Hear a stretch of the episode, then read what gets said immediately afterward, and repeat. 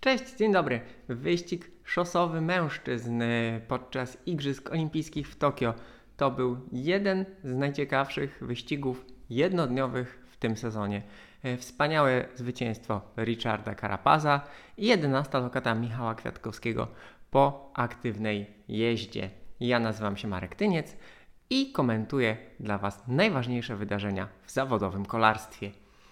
Piękny, piękny, wspaniały wyścig, rewelacyjny wyścig, święto kolarstwa. Naprawdę.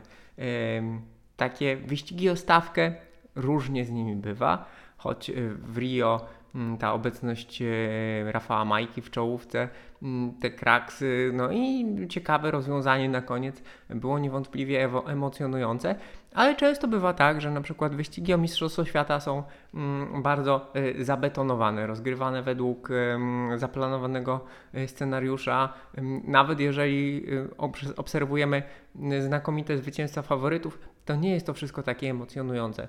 Tutaj w Tokio oglądaliśmy naprawdę genialny, genialny wyścig. No i ta wygrana Karapaza w wielkim stylu. Mm, co mogę Wam o tym wyścigu powiedzieć, e, zanim przejdę do kwestii e, narodowo-patriotycznych? E, przede wszystkim mm, podjazd Mikuni podjazd Mikuni e, nie wprowadził aż tak wielkiej selekcji, e, jak można się było spodziewać, mimo że, mm, mimo że no, był ciężki, był ciężki. Michał Kwiatkowski powiedział w ogóle, że to był jeden z najcięższych wyścigów w jego życiu.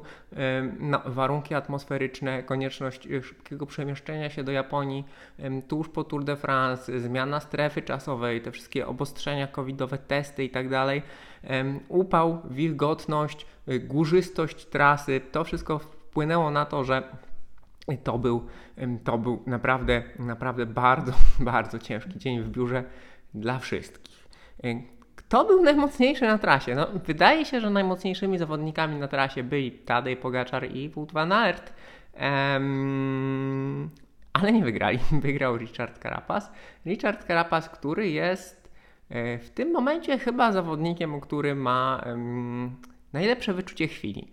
E, jego atak znakomity, bardzo mocny, e, no dość daleko jednak, kilkanaście kilometrów przed metą, a co ważne, kiedy pogonią za McNultym, e, ta jego przewaga, ta ich przewaga rosła, zbliżała się nawet do minuty, to jednak z tyłu Peleton się, peleton, grupa, grupa tych największych tuzów zawodowego peletonu zebrała się w siłę i spróbowali gonić. Van Aert naprawdę nadawał bardzo, bardzo solidne tempo, ale nie zdołał.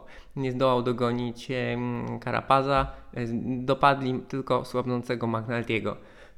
Jakie znaczenie tutaj miał brak radia na przykład, że nikt im tam nie mówił, no dawaj, dawaj, już masz blisko.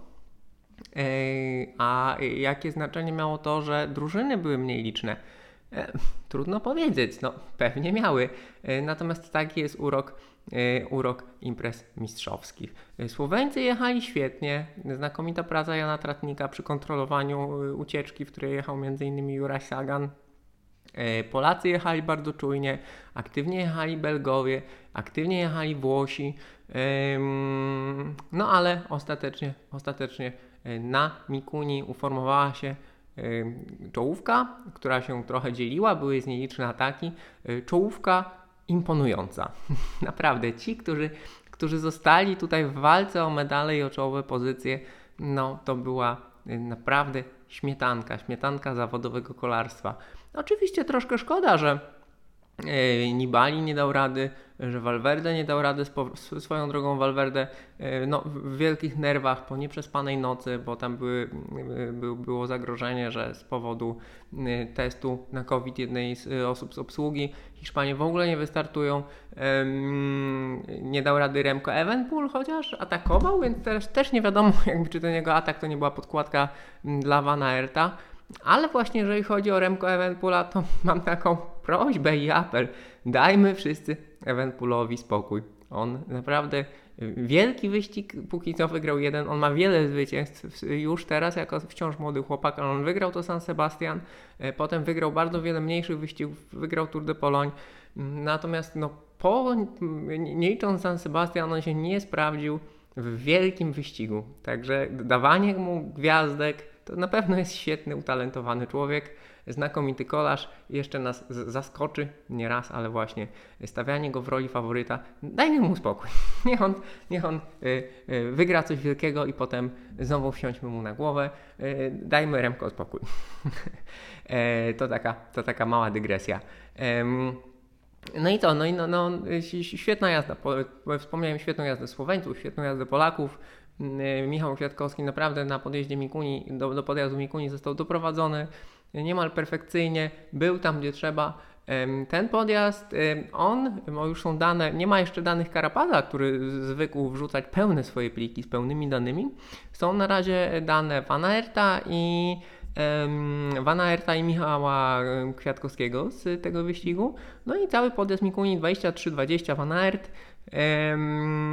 Średnia prędkość podjeżdżania 1748, to tam ze wzoru wychodzi niecałe 6 watów na kilogram. Prawdopodobnie tam było więcej, bo jeżeli się przyjrzeliście, no to nawierzchnia na tym podjeździe była dziwna, tak? Nie wiem, czy ona została wcześniej czymś zdrapana, czy tam były jakieś dylatacje, czy, czy, czy coś antypoślizgowego. W każdym razie ta nawierzchnia nie wyglądała na taką, po której łatwo by się jechało szybko, więc prawdopodobnie te moce, mm, te moce e, będą troszkę wyższe realnie niż z estymat. E, zobaczymy, może Karapas, może Karapas faktycznie, tak jak ma to w zwyczaju, wrzuci e, plik ze swoimi pełnymi danymi.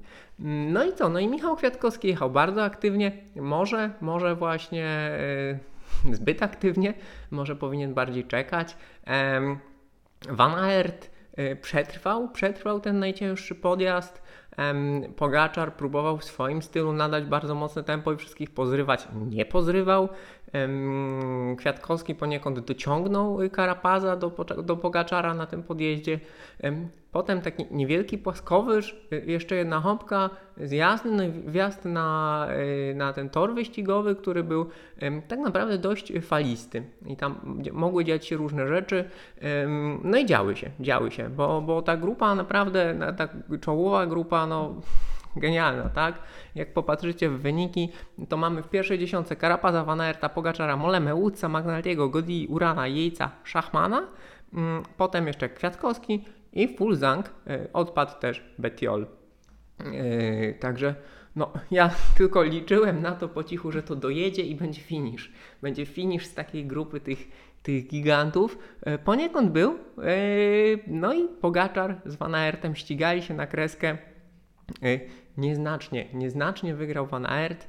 E, ja po cichu liczyłem na Pogaczara, że on jest w stanie po takim ciężkim dniu ograć Van Aerta, no bo przecież był w stanie skutecznie finiszować w Liège-Bastogne. E, mimo, że tutaj przegrał z Van Aertem, no to e, widać, widać po raz kolejny, jak bardzo uniwersalnym on jest, jak bardzo uniwersalnym on jest kolarzem. No i mamy tą, tą wygraną Karapaza. Tak jak mówię, świetne wyczucie chwili. Za Karapazem nie pogonili, tak? Y, gonili za Kwiatkowskim, gonili za Fulzangiem, e, kiedy Karapaz pojechał za McNultym, nie pogonili. To było idealne, tak? On wyczekał, on wyczekał, wszyscy pewnie byli już troszkę podcięci, no więc y, on ruszył za McNultym i zdobyli razem przewagę. McNulty, świetny czasowiec, y, byli w stanie razem no, wypracować przewagę wystarczającą, a potem, kiedy McNulty osłabł, Van Aert ruszał z tyłu, no i zaczynał redukować tą przewagę Karapaza. Karapaz zacisnął zęby i obronił się. To było piękne, to było świetne, był do końca suspens, było świetne ściganie, no i był Piękny sukces. Był piękny sukces. Richard Carapaz jawi się jako e, i prezentuje jako naprawdę bardzo sympatyczny gość. E, po tym seriale, serialu o Movistarze, gdzie, gdzie on tam występował, e, po jakichś jego wypowiedziach, wywiadach. Naprawdę wygląda, mówi fajne rzeczy, mm, także niewątpliwie jest to dobra historia dla kolarstwa, piękne zwycięstwo. Carapaz, Carapaz no, jest niesamowicie popularny dla Ekwadoru. Tutaj kolarze z Ameryki Południowej w ogóle mają kolejny, kolejny diament w, swoim, w swojej kolekcji, kolejne wielkie zwycięstwo. No i myślę, że Carapaz będzie godnym, godnym mistrzem olimpijskim przez tylko najbliższe e, 3 lata, no bo Paryż, Paryż już na horyzoncie. y, y, trzeba powiedzieć, że teraz chciałbym, e, chciałbym zobaczyć Karapaza w jakimś klasyku. Nie wiem, czy w tym roku on, czy, czy da radę, jeszcze zobaczymy, jakie są jego dalsze plany startowe, mm, ale chciałbym go zobaczyć walczącego, walczącego na przykład w Lombardii, bo no, tutaj trasa, trasa tego wyścigu niewątpliwie taką charakterystyką do, do Lombardii e, była mm, zbliżona. Do Lombardii była zbliżona. Także Karapaz pięknie, e, Michał Kwiatkowski zrobił co mógł. Oczywiście jest duże ciśnienie na to, żeby się zastanawiać, dlaczego, e, co się stało, czy to było dobre, czy to nie było dobre. Myślę, że Michał Kwiatkowski pojechał na miarę swoich możliwości. Nie bez powodu on był raczej rzadko wymieniany w gronie faworytów. Z drugiej strony trzeba pamiętać, że on te wielkie imprezy, e, no i klasyki potrafi jeździć świetnie.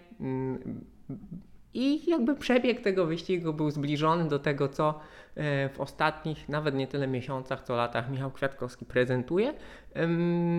To znaczy, długo był w czołówce, jechał w sposób decydujący, który decydował o obliczu wyścigu. Tutaj warto wspomnieć, że faktycznie no, był tym zawodnikiem obserwowanym przez rywali i wszystkie jego ruchy były, były jakby pod, pod obserwacją, pod kontrolą. No a potem, kiedy przychodzi do takiej najważniejszej rozgrywki, to jednak odrobinę sił brakuje. No i dziś niestety się to e, powtórzyło, choć jak wiadomo, robił co mógł.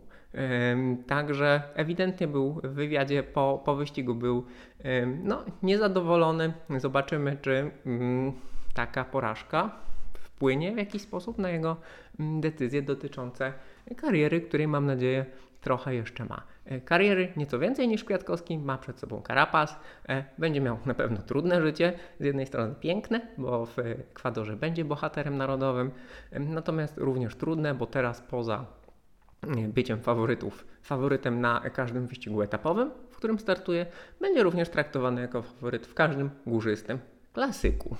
No i e, tak to moi drodzy wygląda. Na Igrzyskach Olimpijskich e, mamy jutro, e, mamy jutro wyścig ze startu wspólnego kobiet, gdzie Katarzyna Niewiadoma no, ma wyższe notowania niż miał Michał Kwiatkowski, ponieważ ona i w tym i w poprzednich latach regularnie staje na podium ważnych klasyków, przynajmniej kilka razy w roku, więc no, tutaj te nadzieje są większe. Potem mamy wyścigi MTB i do końca tygodnia zawody BMX-owe, które chociaż nie jestem jakimś ekspertem, będę bardzo uważnie śledził, bo jest to bardzo ekscytujące. No i moi drodzy, e, to by było na tyle. Świetny, świetny wyścig na rozpoczęcie igrzysk. Kolarze mają to szczęście, że ścigają się na samym początku, e, więc y, jeżeli COVID będzie uderzał w igrzyska, to oni mają to już za sobą. Zapraszam, zapraszam do śledzenia, śledzenia kolarstwa e, w Tokio. E, zapraszam do takiego racjonalnego obcowania z własnym e, patriotyzmem i emocjami. No bo wyścig był świetny i był na tyle dobry, że fajnie, jeżeli właśnie te, te uczucia takie, które się w nas budzą raz na 4 lata, nie przyćmiły tej znakomitej rywalizacji, którą oglądaliśmy. E, dziękuję Wam uprzejmie e, i do zobaczenia po wyścigu kobiet, chociaż później wieczorem niż dzisiejszego popołudnia po wyścigu mężczyzn. E, do zobaczenia, cześć.